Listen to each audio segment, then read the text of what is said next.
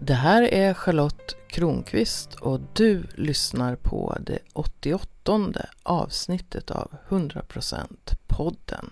Och den här gången så ska du få möta en kvinna som vet mycket om sexualitet och lust. Just nu jobbar Susanne Larsdotter på RFSU, åker land och rike runt och hjälper män och kvinnor att till exempel hitta klittan. Och i slutet av avsnittet så får du också tips på hur du kan dejta dig själv. Jag sitter med Susanne Larsdotter på RFSU i Stockholm. Tack för att jag får komma hit.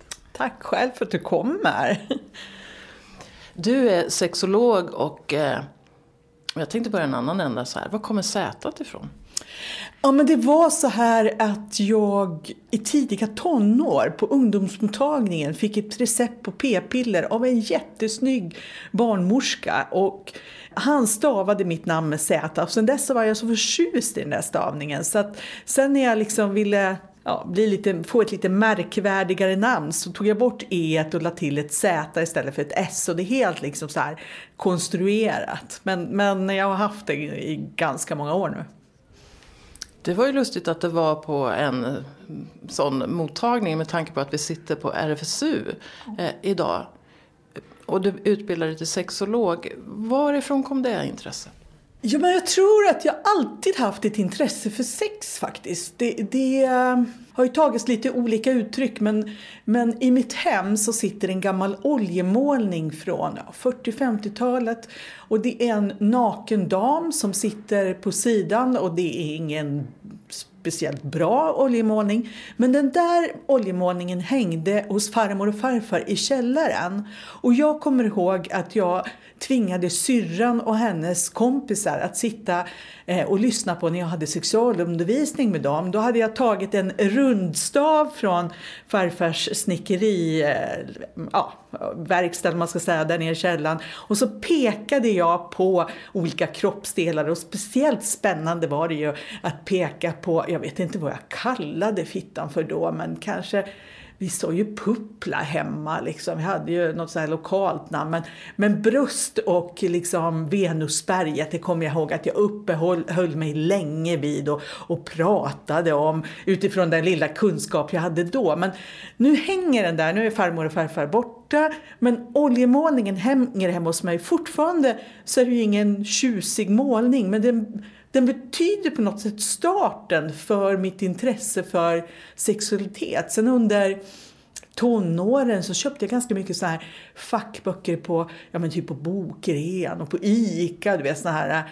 Så att jag hade ganska mycket eh, ja, sexologi kan man ju inte kalla för, men så här, populärvetenskapliga böcker om sex. Jag kommer ihåg den här Fina flickor gör det. Den köpte jag på när jag gick på gymnasiet och sådär. Så, så jag har väl alltid haft ett intresse för sex. Både att läsa men, men också att utforska även i min privata sexualitet.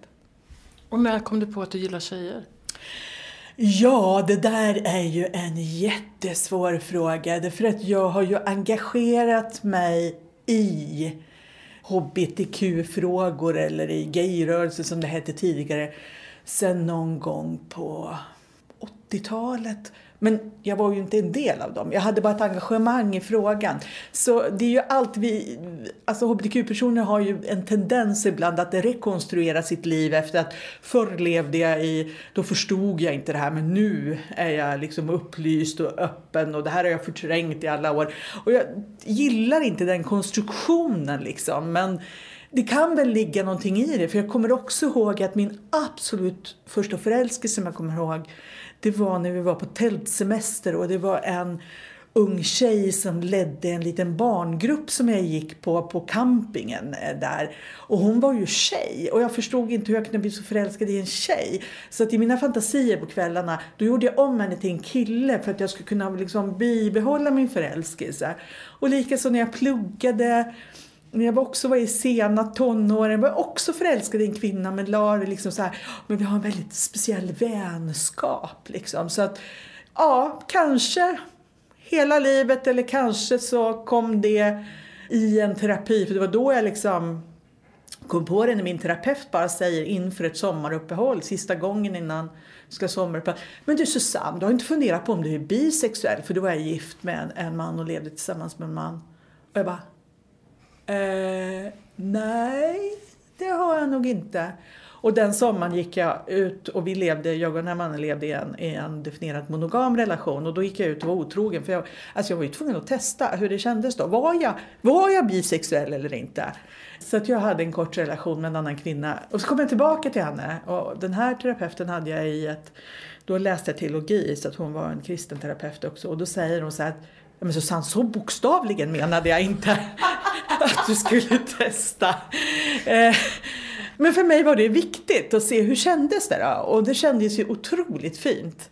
Eh, så då öppnade vi upp vår relation och gav utrymme att ha parallella relationer. Och jag eh, skaffade så småningom en flickvän som jag hade parallellt med min dåvarande make. Men sen när han bröt upp så kände jag så att men nej, jag har inget behov. Alltså visst kan män vara attraktiva men jag har nog inget behov av någon mer man som sexpartner i mitt liv. Det är inte så att jag stängt dörren men jag känner ju sällan någon attraktion eller känner ingen eh, ingen kåthet, liksom ingen så här lust på män. Utan nej. Då låter det ju som att det är bra att låta bli. Ja, då, det är, hittills har det inte kommit någon som har gjort någon, liksom, någon, någon eh, anledning att värdera om den saken i alla fall. Men det här att jobba då med sexualitet och du är, man kan ju kalla det för opinionsbildare mm. också. Alltså, hur kan du skilja på ditt så säga, privatliv och det offentliga och hur blir det mm, ja, hur värnar du dig liksom? Mm. Jo men jag tror att det är det som gör att, att eh, anledningen till att det fungerar så väldigt, väldigt bra är väl liksom att jag ändå känner mig väldigt professionell. Jag har gått en en lång väg för att bli sexolog. Jag har läst väldigt många sexologikurser och sen har jag gått hela masterprogrammet i, i Malmö. Och eh, sen är jag också auktoriserad som sexolog så att det innebär att jag har gått såna här SSA SAR-timmar där jag har behövt jobba med min egen sexualitet så att jag inte blandar ihop min egen sexualitet med, med de jag möter. Så att eh, det gör också att, att jag har tränat väldigt mycket på att prata om sex och pratar sällan och min egen sexualitet utan jag tycker att den är ju sällan eller nästan aldrig intressant i mötet med andra människor. Om det är så att jag har en position där jag möter någon som patient som sexolog. Sen kan det ju alltid vara intressant om du och jag skulle mötas en, en kväll över ett glas vin att diskutera de frågorna. Men i, när jag är professionell som sexolog då är min sexualitet inte intressant.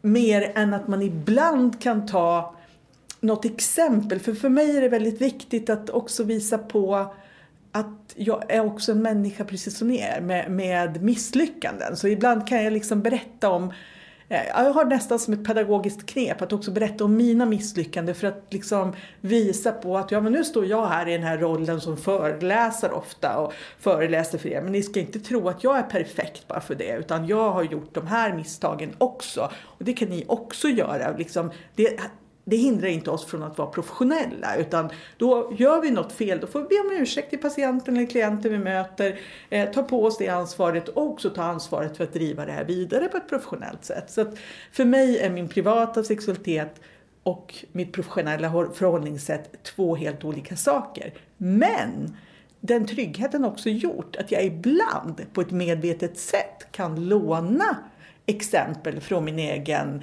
sexualitet eller misstag eller tankar jag har. Men då gör jag det på ett väldigt medvetet sätt. Så jag står inte och läcker liksom mitt, i mina egna tankesätt. Samtidigt som vi alla läcker hela tiden. Och jag tänker att det är också en del av att vara professionell. Att se att i mötet med den här personen så sa den någonting som väckte någonting hos mig som känns lite konstigt alltså det här måste jag ta och titta på. Vad var det som gick igång hos mig? För det ligger oftast inte på den andra personen. Varför reagerade jag som jag gjorde på den här personen? Och det kan man definitivt behöva titta på. Men det ser jag också som en del att vara professionell. Att våga se att jag är inte världens mest fördomsfria människa som är öppen för allting och liksom sådär. Utan jag måste också titta på vad är mina svårigheter.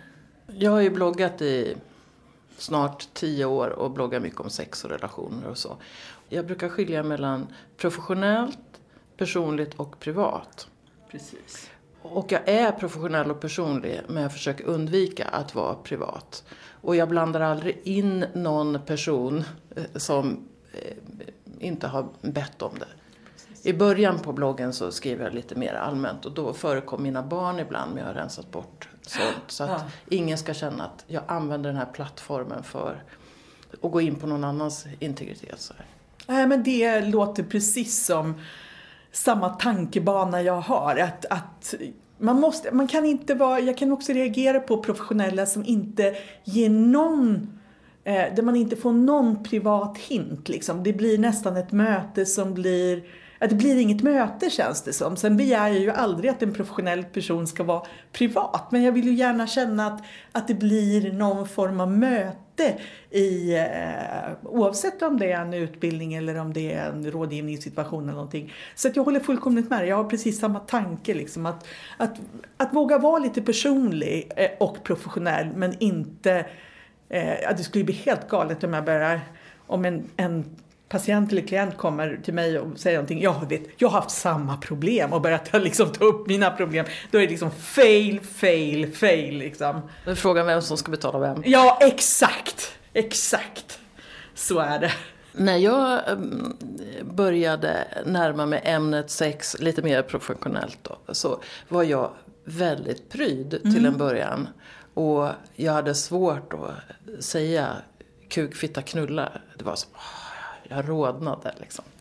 Och idag så kan jag säga dem utan att blinka. Men däremot så försöker jag tänka var passar vilket ord. Ja.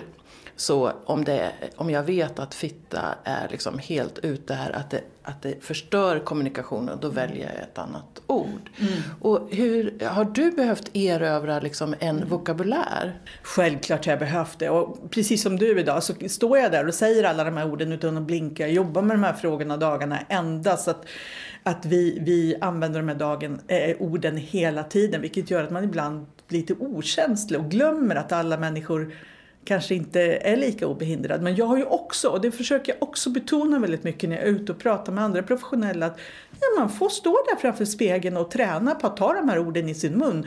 Och det är inte så dumt faktiskt att stå och säga det. Det var så fantastiskt fint. Jag föreläste för Länsstyrelsen i Värmland tror jag det var. Det kom en kvinna fram till mig efteråt och så sa hon så här jag ska göra precis som du sa. Jag ska ställa mig framför spegeln och ska, ska jag stå där och säga penis, penis, penis, samlag, samlag, samlag. För att bara träna att få ut dem. Och jag tror att det är så vi måste göra. Det är ju ingen som föds med att prata obehindrat om man inte har fått träning med väldigt nära personer i sin omgivning. Alltså vi behöver alla träna på de här orden. Men det kommer att sitta så. Och, tycker jag, att säga dem också med en positiv konnotation. Exakt. Och, och det tycker jag att det, det är ju en del av min mission också, att verkligen eh, säga de här orden med någonting positivt. Och jag använder väldigt mycket fitta och kuk i mina föreläsningar, men jag berättar alltid varför. Fuktig ängsmark?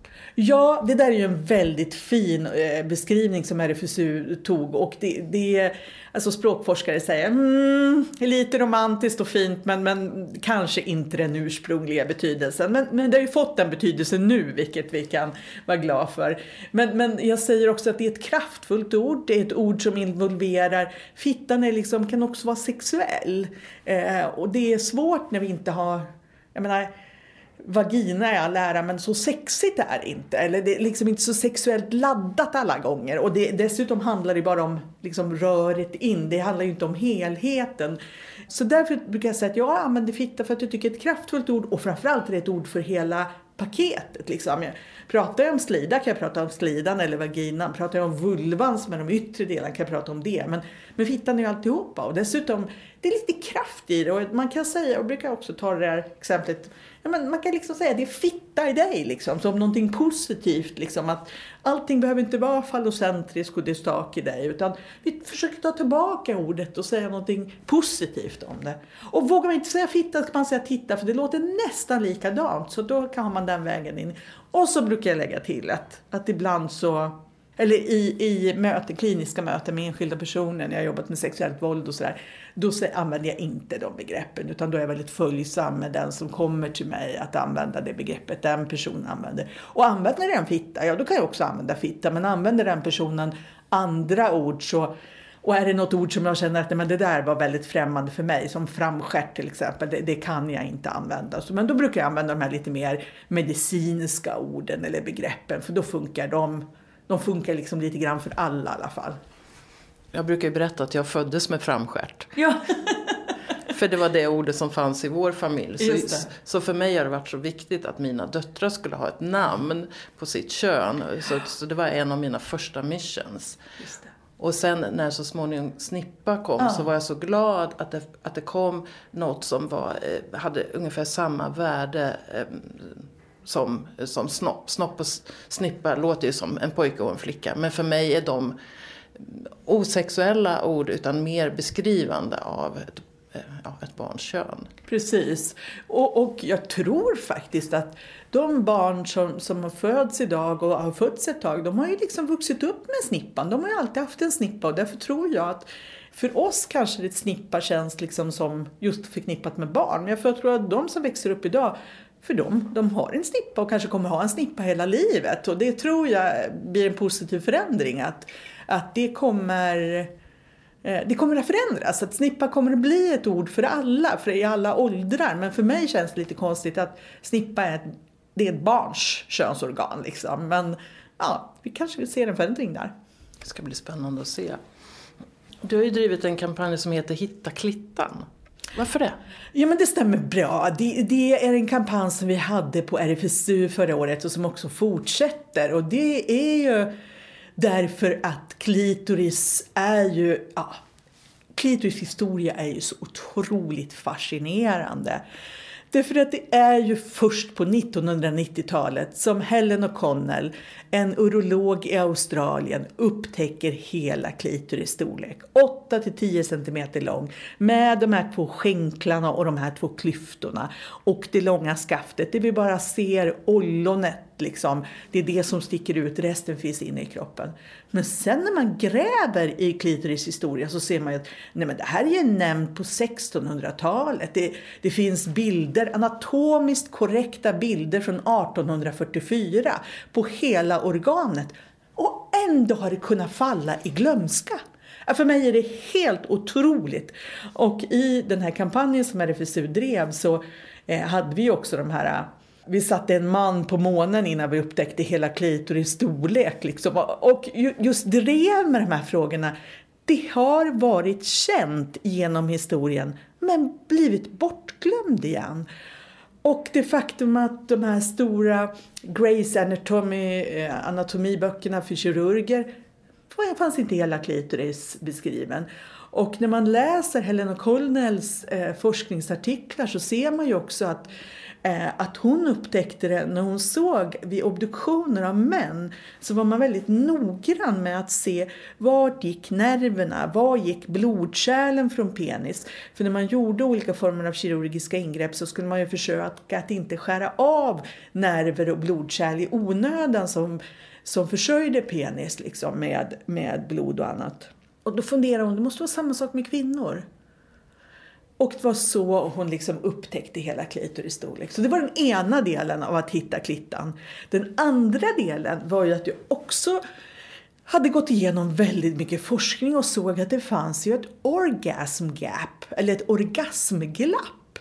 Alltså att män kom två gånger på kvinnors änd liksom. Att både internationell forskning men också i den nationella forskning vi har från Sverige.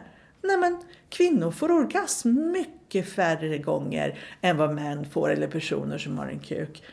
Och vad, vad handlar det om?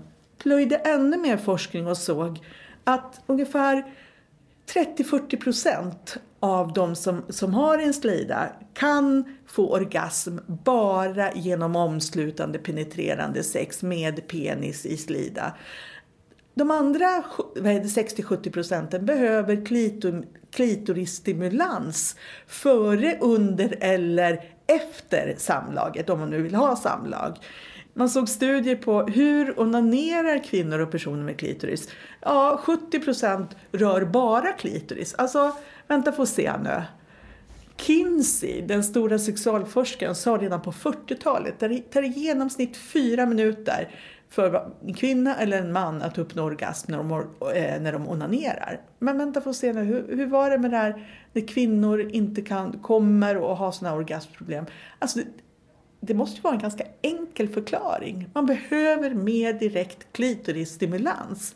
Men vårt samhälle är uppbyggt liksom runt den här penetrationsnormen där man tänker att det är liksom sexualitetens A och O. Och det kan ju vara fantastiskt skönt.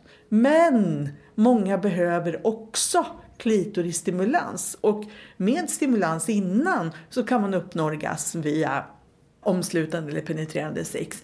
Men om man inte kan eller vill ha samlag så finns det också så många andra sätt att ha sex på och uppnå orgasm med klitorisstimulans.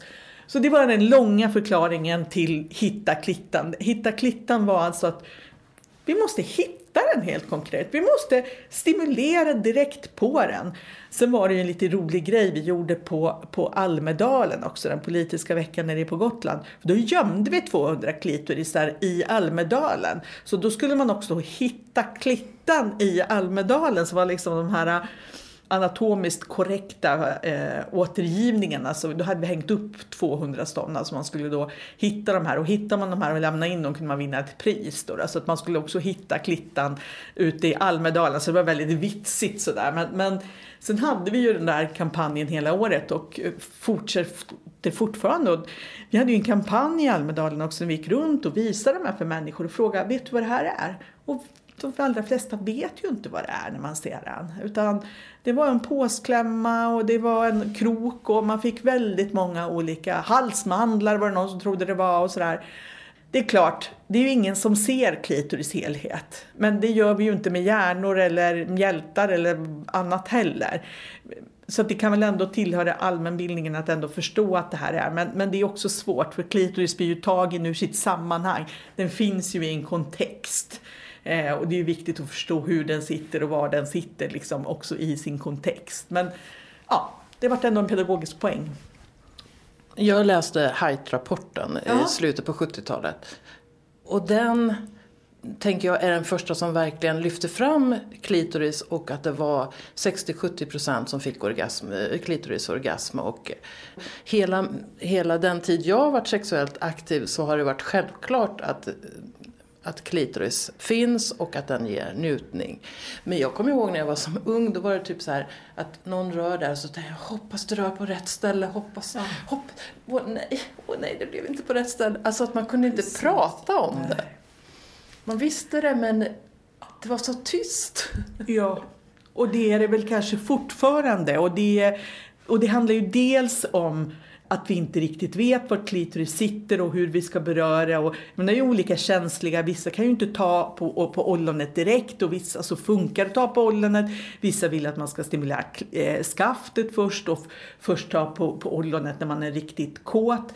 Så det har ju varit olika men det är också ett ansvar för oss som är klitorisbärare att också vägleda. Och det där verkar fortfarande vara väldigt svårt för väldigt många att Eh, att liksom en bra pedagog visar brukar jag säga. Och jag vet inte hur det är med, med andra människor men tyvärr så har jag ju sällan fått lägga med tankeläsare. Utan det, det är liksom, jag måste ju visa och jag måste ju också berätta hur jag vill ha det. Ja, och därför tror jag att det är väldigt viktigt att utforska sin egen njutning. För att om jag inte vet hur jag njuter, hur ska jag då kunna vägleda någon annan? Nej men exakt och det försöker jag också uppmuntra så mycket som det bara går. Att, att också ta en spegel, titta efter, hur ser jag ut i fittan? Vart känns det skönt när jag tar? För det är mycket lättare sen att vägleda en partner vart de ska smeka om jag vet ungefär själv vart jag ska smeka.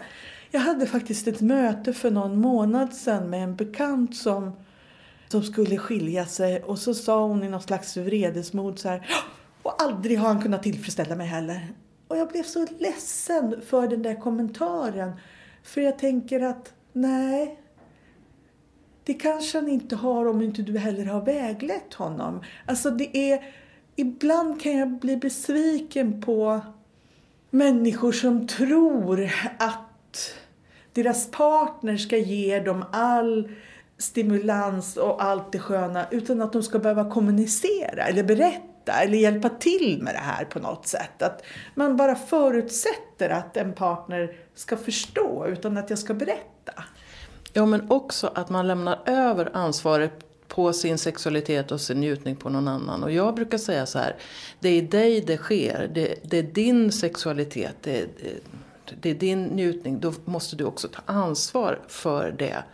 För, för, om man bara tänker så här, ja men det är bara Zlatan som kan göra mig kåt eller bara Sofia som kan göra mig kåt. Nej men det, det händer i dig. Alltså att börja med att ta tillbaks det till det händer här. Exakt, och de där samtalen måste vi föra mycket mer även idag. Vi tänker så här, ja men det, hand, det finns så många poddar som handlar om sex och det finns så mycket som youtubers som har filmer om det här och alltihopa. Ja men det här mest väsentliga samtalet, det behöver fortfarande ut.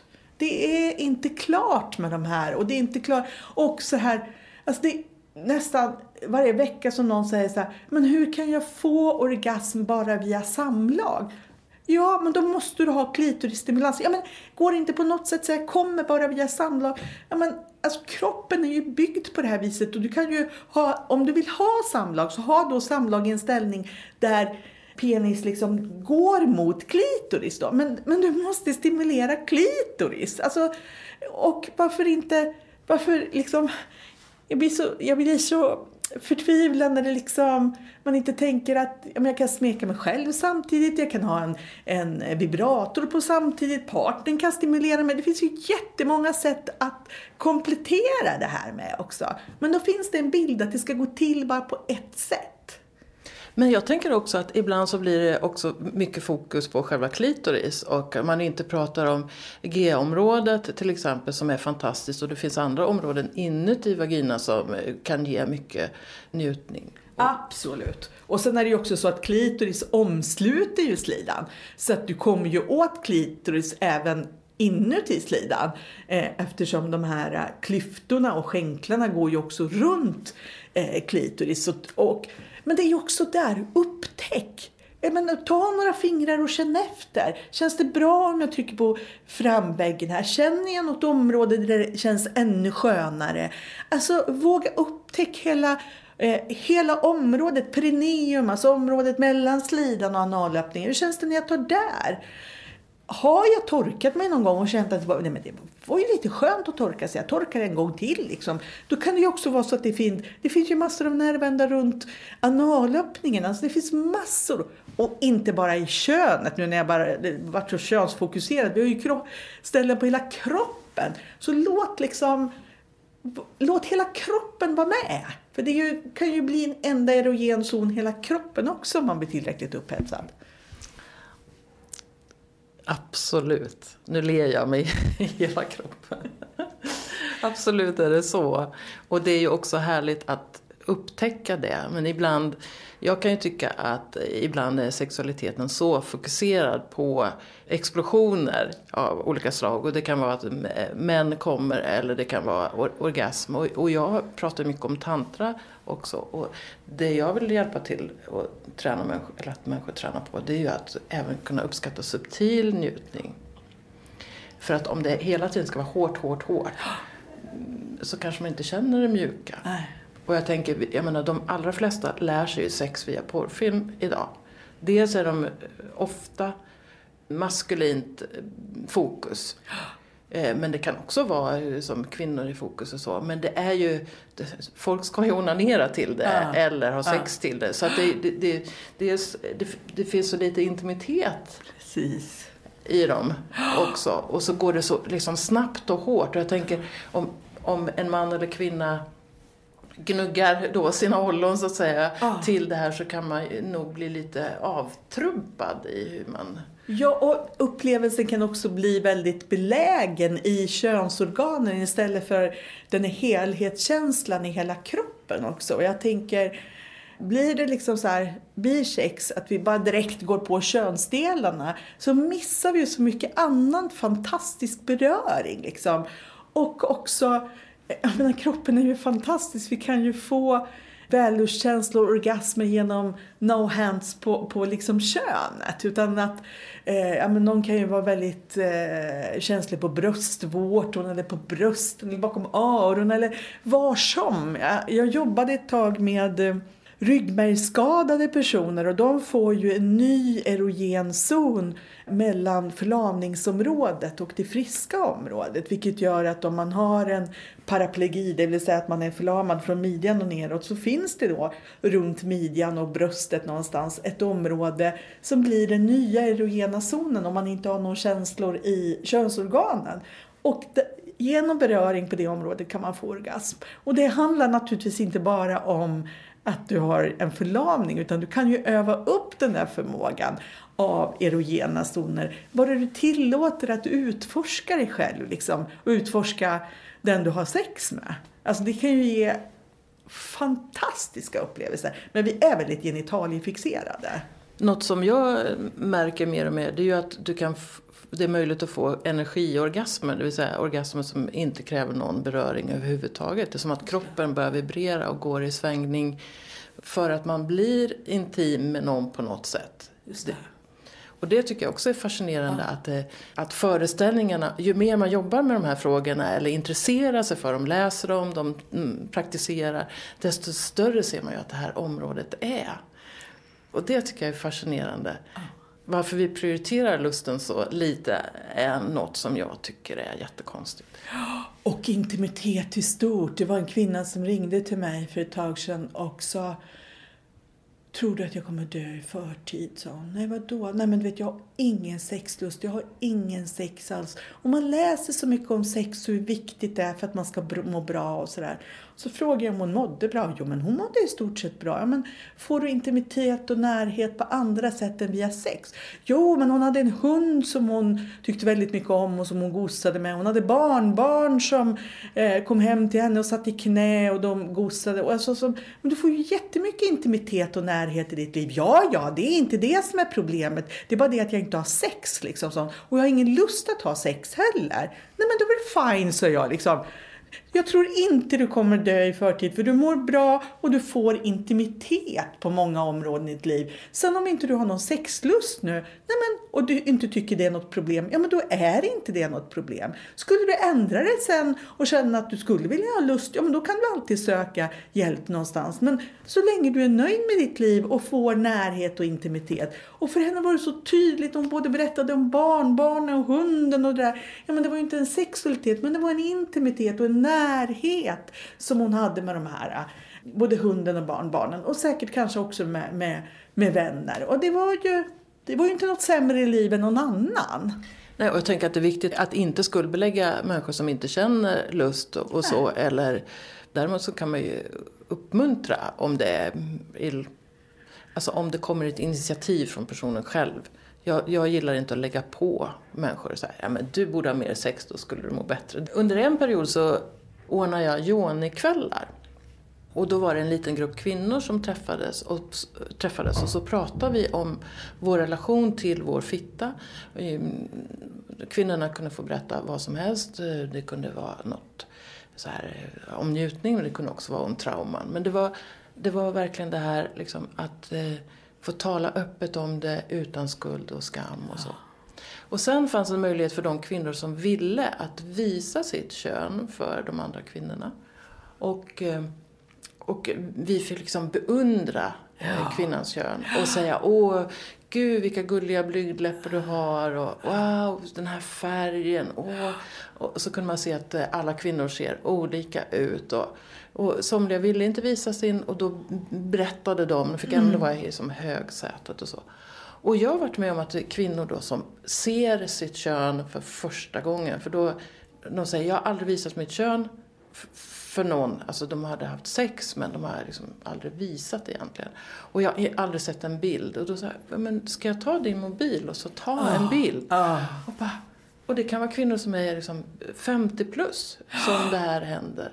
Så jag tänker att det, är, att det där att vi ändå har en kontakt med våra egna kön. Att vi inte går på den här idén om att, att, det, att våra kön är äckliga. Det tror jag inte män har på, Nej, på samma sätt.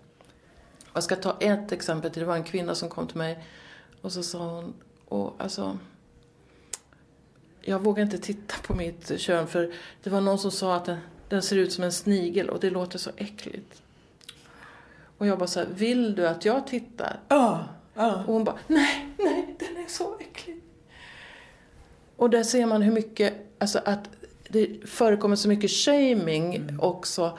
Och, och, och, bara det här att man säger jävla och sen eh, mm. olika kvinnliga Precis. könsord. Kan ju också, jag tror att det kan, det kan påverka din relation till dig själv på, på, på ett allvarligt sätt.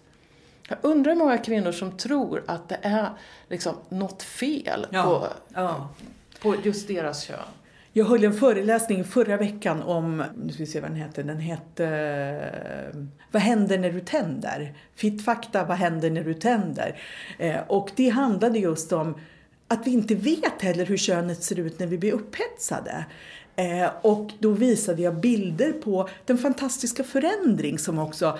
Jag är helt med dig, jag har också den erfarenheten att många inte har tittat på sitt kön, vi inte vet hur det ser ut och ännu färre har sett den här fantastiska skillnaden mellan ett avslappnat kön och ett upphetsat kön. Och jag menar, precis det där med mobilkameran, att bara ta en bild när man är helt avslappnad och sen ta en bild när man är riktigt kåt. Och se liksom Alltså jag blir så fitt fascinerad när jag ser de här bilderna också. Om det här svullna könet som är alldeles vått. Som är liksom präktigt stånd i både liksom blygdläppar och klitoris kan ju nästan försvinna bakom där. Lite beroende på hur man är byggd så, så får ju också klitoris erektion och reses upp och kan liksom nästan med ollonet försvinna in bakom lite grann. Och hur allting är liksom lite fuktigt och vått och glansigt liksom sådär. Och det vet man ju inte heller om, hur det, hur det ser ut. Och ännu mer, man vet inte om hur det känner. Jag hade några barnmorskestudenter som precis har skrivit en uppsats om det här. Där de fick, gjorde en enkät med 2500 kvinnor. Där de såg att väldigt få kunde säga hur känns det i könet när jag blir upphetsad kvinnor hade inte liksom ord för det. De visste inte riktigt hur det känns. Man lägger så mycket i huvudet och att det ska kännas bra här, vilket naturligtvis är jätteviktigt. Men vad svårt det blir om inte jag känner någonting här också. Och där kan man ju också se, jag är ju väldigt forskningsnörd också, om man går till forskningen kan man ju också se där att, att män och personer som har en penis tenderar ju att faktiskt tända på sin egen erektion. Alltså man ser och känner erektionen och så blir det en positiv spiral, att man också tänder på sin egen tändning liksom och ser det här. Medan kvinnor mycket mindre omfattning identifierar vad som känns, vad som, hur det känns och hur det är. Och jag tänker om, om man medvetande gör sig ännu mer, hur känns det då? Och därför har jag och två sexualupplysare till eh, lanserat ett begrepp som vi kallar för clitfulness som är en slags av mindfulness. Som handlar om att man då smörjer in klitoris och blygdläppar med någon sån här stimulerande gel och bara lägger sig ner och noterar. Hur känns det? Man värderar inte, man behöver inte agera på det utan man ligger bara och känner och försöker liksom, hur känns det? För att har jag medvetande gjort mig hur känslan är när könet erigerar då blir jag mycket mer medveten om hur det känns. Och då kanske jag kan ta med mig den där känslan nästa gång det här känner. Då kan jag känna igen känslan av upphetsning i underlivet. Det var den ena saken jag pratade om. Den andra saken jag pratade om det var det som du också var inne på, om genitalt självförtroende. För det kan vi också se i forskningen att kvinnor i regel har ett sämre genitalt självförtroende än män. Man är missnöjd och idag är det ju en jättestor fråga om det här med blygdläpparna. Blygdläpparnas storlek och de är olika stora och sådär. Och jag fick en sån här aha-upplevelse, nu är det här ett antal år sedan, men jag kom till Ylva Fransén på en sån här äh, omvänd gynundersökning, på att säga. Hon, hon äh, letade ju lustpunkter hon äh, erotikpedagog och letade lustpunkter på kroppen. Och så säger hon, oh vilka välformade blygdläppar du har. Och det slog mig då, över 40 år gammal, att jag går till någon som ändå liksom möter mig i ett professionellt syfte och får min första genitala komplimang. Alltså varför, jag har varit tillsammans med fantastiska människor som jag har haft jättebra sex med. Men varför har ingen sagt att jag haft en vacker fitta förut? Och då blev jag liksom lite förtvivlad och, och tänker så här, varför ger vi inte varandra fler genitala komplimanger? Och jag kan tänka mig att det som du gjorde i din yoni-grupp var ju just det. Tänk att någon annan säger att jag har en, en vacker färg eller fina blygdläppar eller någonting.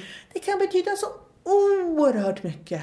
Och samtidigt så vet jag från kliniken, här för den RFSU-kliniken, hur ett ord om hur könet, oavsett om det är en penis eller en, en fitta, liksom, också kan förstöra så mycket. Som snigelhistorien du berättade. Alltså, så att vi kan bygga varandra, men vi kan också dra ner varandra. Men bara medvetenheten om vad det kan göra för någon. Eh, att ändå hitta någon komplimang som är uppriktig. För jag tänker, de flesta kan ändå hitta någonting de tycker att är vackert. Om vi tänker oss att någon som lyssnar på det här har idén om att det är någon annan som gör dem kåta, alltså att det är någon annan som äger deras sexualitet.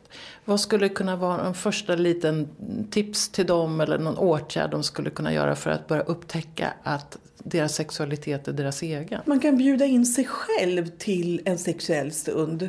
Man gör en dejt med sig själv brukar jag råda till. Och det kan ju se ut på allt att man har liksom en kvarts dejt till att man lägger upp en hel kväll med sig själv.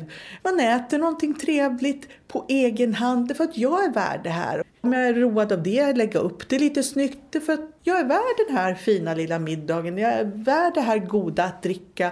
Jag kanske tar ett bad eller en dusch och smörjer mig med en härlig kräm. Och när jag smörjer in mig med den krämen så kan jag göra det ganska medvetet. Att jag liksom verkligen beundrar min kropp och ger den positiva komplimanger. För att det är ju sällan, jag tror jag aldrig, inte ens när jag har umgåtts med modeller, så är det ju någon som är fullständigt nöjd med sin kropp. Och det är ju märkligt det där.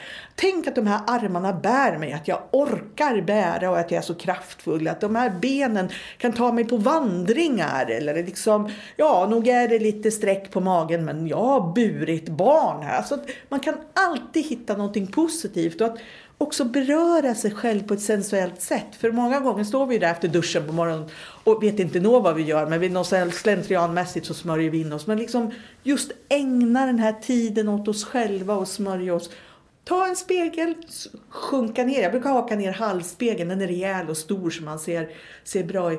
Och göra en liten lustfylld guidad tur. Liksom. Och beroende på hur van man är så kan man ladda ner någonting från nätet, hur ser en fitta ser ut, eller titta i en bok eller något sånt där. För då kan man också se, nej men oj, kan jag urskilja mitt urinrör? Sitter det här? Ja, ja, nu ser jag här, där är de inre blygdläpparna och här har vi klitorishuvan. Får se, kan jag dra lite grann i klitorishuvan? Och sen från klitorishuvan så ska klitoris gå in. Kan jag sticka in tummen och pekfingret för att hitta skaftet? För att jag har ju sett på den här bilden hur det ser ut. Kan jag hitta skaftet? Jo, titta här!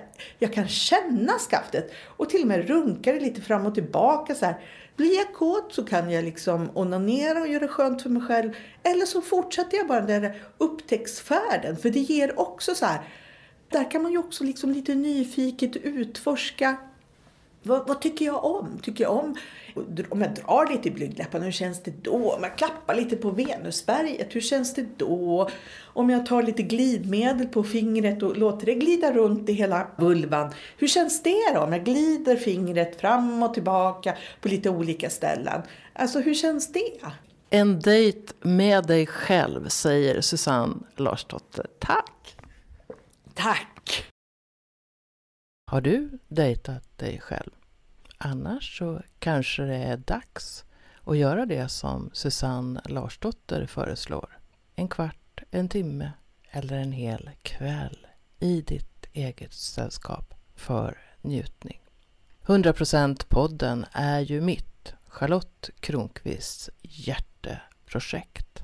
Och du får gärna vara med och stödja podden och sprida den och berätta om att den finns för andra. Enklaste sättet att ge mig ekonomiskt stöd är att swisha valfri summa till 070 322 42 42 070 322 42 42 och är du nyfiken på att utforska dig själv, din sexualitet och dina relationer, gå in på min hemsida charlottekronqvist.org.